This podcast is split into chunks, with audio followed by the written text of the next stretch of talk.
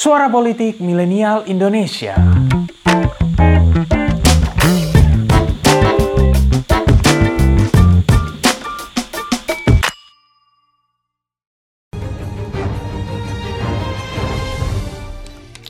Penyerbuan tentara Inggris ke Keraton Yogyakarta di tahun 1812 menjadi salah satu babak penting dalam sejarah Indonesia.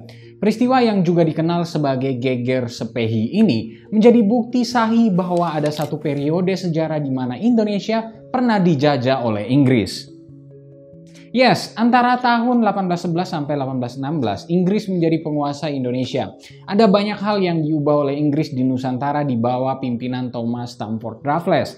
Misalnya soal tanam paksa yang diganti dengan sistem sewa tanah, demikian pun dengan penghapusan monopoli perdagangan. Namun meski pernah dijajah oleh Inggris, pernah nggak sih kalian bertanya-tanya kenapa ya Indonesia nggak jadi anggota negara-negara persemakmuran Inggris alias Commonwealth of Nations?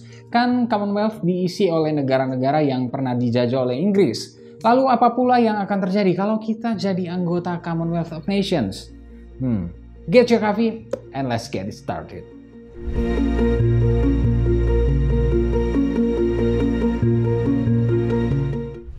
Technically, Indonesia memang pernah dijajah oleh Inggris, namun hal itu belum menjadi poin penentu kita jadi anggota Commonwealth of Nations.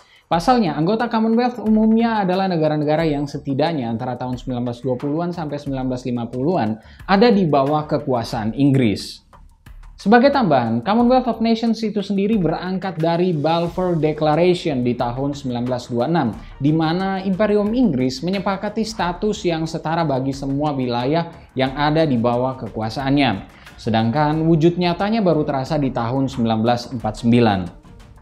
Commonwealth of Nations saat ini beranggotakan 54 negara yang mayoritas merupakan bekas jajahan Inggris dan meliputi negara-negara yang punya pemerintahan independen macam Malaysia maupun negara-negara yang masih tunduk pada ratu atau raja Inggris macam Australia dan New Zealand.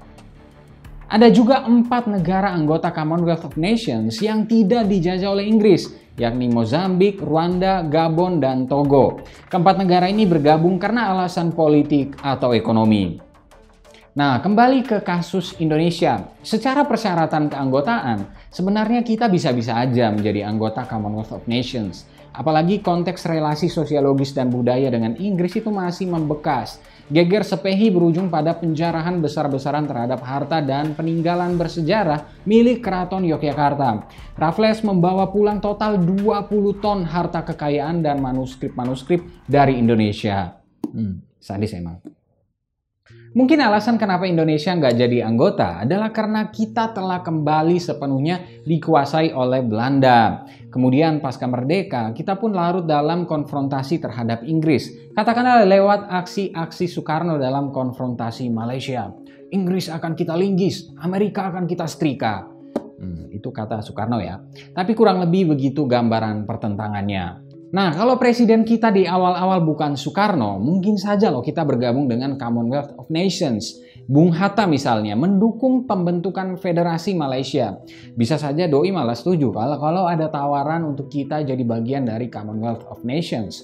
Dan mungkin saja akan ada banyak dampak positifnya juga. Soalnya negara-negara Commonwealth umumnya mendapatkan banyak kerjasama yang menguntungkan dengan Inggris. Misalnya soal visa free travel, beasiswa pendidikan, kesempatan bisnis di Inggris, dan kalau tinggal di Inggris dapat privilege untuk pekerjaan serta bahkan bisa gabung dengan militer Inggris. Hmm, sabi juga sih. Intinya sih pasti ada untung ruginya di masing-masing pilihan. Yang jelas Inggris memang meninggalkan jejak yang besar di Indonesia. Bahkan lukisan potret Raffles tidak menampilkan Singapura atau Malaysia, tapi peninggalan-peninggalan Indonesia di belakangnya nyantol banget kayaknya. Anyway, kalau menurut kalian gimana? Setuju nggak kalau Indonesia gabung Commonwealth of Nations? Berikan pendapatmu.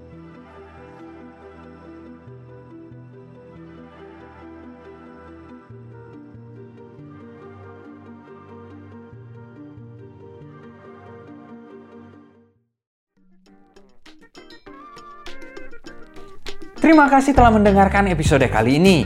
Nantikan episode-episode selanjutnya dan jangan lupa untuk kunjungi pinterpolitik.com untuk dapatkan informasi seputar fenomena politik di Indonesia.